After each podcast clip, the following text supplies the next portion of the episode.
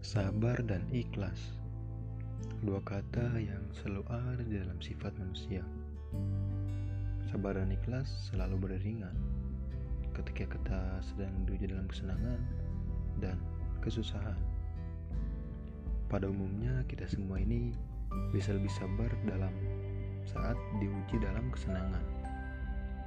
Tapi sebaliknya ketika kita diuji dalam kesulitan maka kebanyakan dari kita akan merasa begitu sulit menerimanya dan sulit untuk bisa sabar dan ikhlas. Bisa diketahui, sabar memang sulit untuk dilakukan.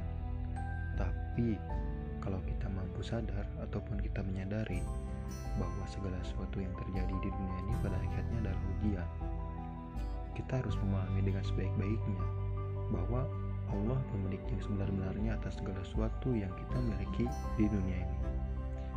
Dengan kita sadar bahwa semua yang kita miliki sebenarnya milik Allah ataupun titipan Allah dengan begitu Allah mengambilnya insya Allah kita akan sabar dan ikhlas untuk merelakannya. Karena kita menyadari bahwa semua itu adalah titipan dan yang namanya titipan pasti akan kembali pada pemiliknya. Kapan pun pemiliknya akan mengambil maka kita harus siap harus sabar dan ikhlas untuk mengembalikannya kepada sang pencipta ataupun sang pemilik tadi.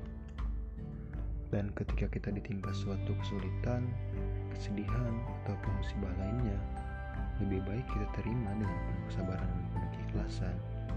Bila kita sabar dan ikhlas menerimanya, maka insya Allah segala kehidupan kita akan terasa ringan dan segala ujian pun akan e, terasa mudah, tidak akan terasa berat untuk menjalankannya. Dan kita juga harus bisa menerima apa pun yang Allah tetapkan apa pun keputusan Allah dalam kehidupan kita kita harus bisa menerimanya dengan sabar dan ikhlas.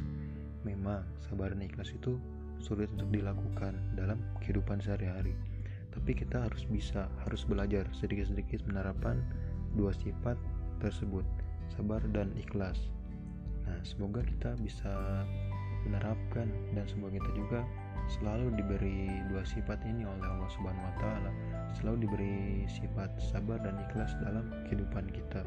Insya Allah.